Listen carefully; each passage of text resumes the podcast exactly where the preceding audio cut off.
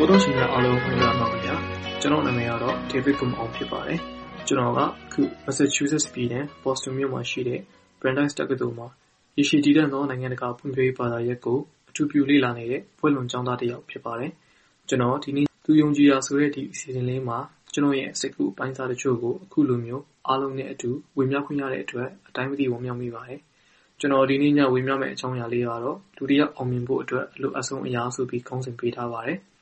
အဲ့ဒါကတော့သိပ္ပံနည်းကျလေ့လာဖော်ထုတ်ထားတဲ့ theory တွေလိုမျိုးမဟုတ်ပေမဲ့ကျွန်တော်မျက်မြင်ကိုယ်တွေ့အရာရောဖတ်ဖူးမှတ်ဖူးခဲ့တဲ့နာမည်ကျော်ပုဂ္ဂိုလ်ကြီးများရဲ့အထုပ်ပတ်တိတွေထဲကနေကောက်ချက်ချမိတဲ့အတွေးအမြင်တစ်ခုသာဖြစ်ပါတယ်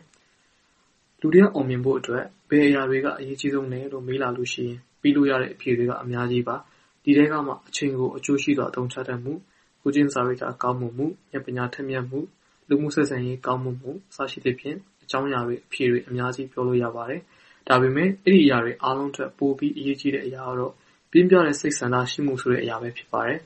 ။အင်္ဂလိပ်လိုဆိုလို့ရှိရင်တော့ passionate ဖြစ်တယ်လို့ ပြောလို့ရပါတယ်။ဒီ passion လို့ ပြောတဲ့အခါမှာ လူတယောက်ဟာ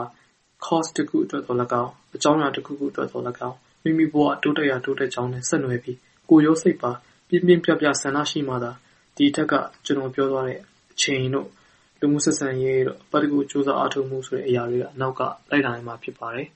ကျနော်တို့လူဆိုတဲ့အမျိုးကပြင်းတတ်ကြတာသဘာဝပါ။ကိုယ့်ရဲ့စိတ်ကသာအပြည့်အဝလှုံ့ဆော်မှုမရှိခဲ့ဘူးဆိုရင်ကိုယ်လုပ်နေရတဲ့အရာပေါ်မှာအာသီသပြင်းပြမှုတခုခုကသာနောက်ကနေတွန်းပို့နေတာမျိုးမရှိခဲ့ဘူးဆိုရင်ဘဝကပိုပြီးတော့ပင်ပန်းသလိုကြိုးစားရာကြိုးနက်တယ်လို့လည်းဘယ်တော့မှခံစားရမှာမဟုတ်ပါဘူး။ကျနော်တို့ပတ်ဝန်းကျင်မှာပဲဖြစ်ဖြစ်၊အောင်မြင်နေတဲ့ကမ္ဘာကျော်ပုဂ္ဂိုလ်ဘယ်သူ့ကိုပဲဖြစ်ဖြစ်ကြည့်လိုက်လို့ရှိရင်သူတို့တယောက်ချင်းစီတိုင်းမှာ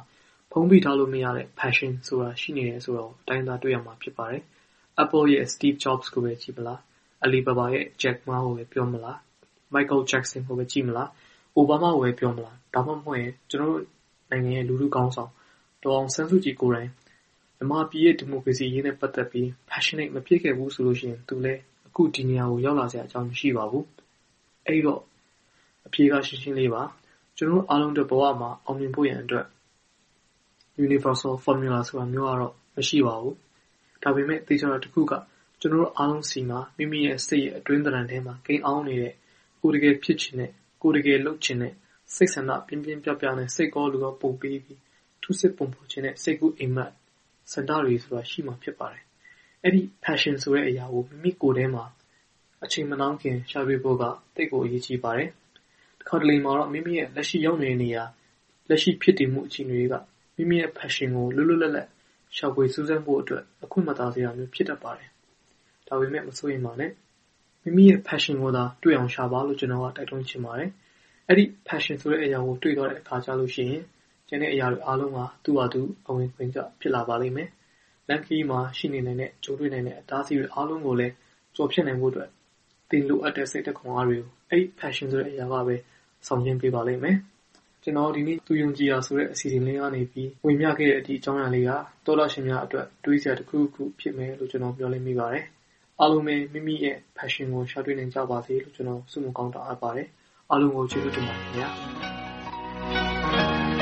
။အပတ်စဉ်တင်ဆက်နေတဲ့သူယုံကြည်ရာကဏ္ဍအတွက်ဘလို့အကြောင်းအရာမျိုးမှမဆိုကိုယုံကြည်ရာလေးတွေကိုပါဝင်ဆွေးနွေးပြဖို့ဖိတ်ခေါ်ပါရစေ။ email လိပ်စာ burmese@voanews.com B-U-R-M-E-S-E at V-O-A-N-E-W-S dot C-O-M ကိုစာရေးပြီးဆက်သွယ်ရမယ့်တယ်လီဖုန်းနံပါတ်ကိုအကြောင်းကြားလိုက်ပါခင်ဗျာကျွန်တော်ပြန်ဆက်သွယ်ပါမယ်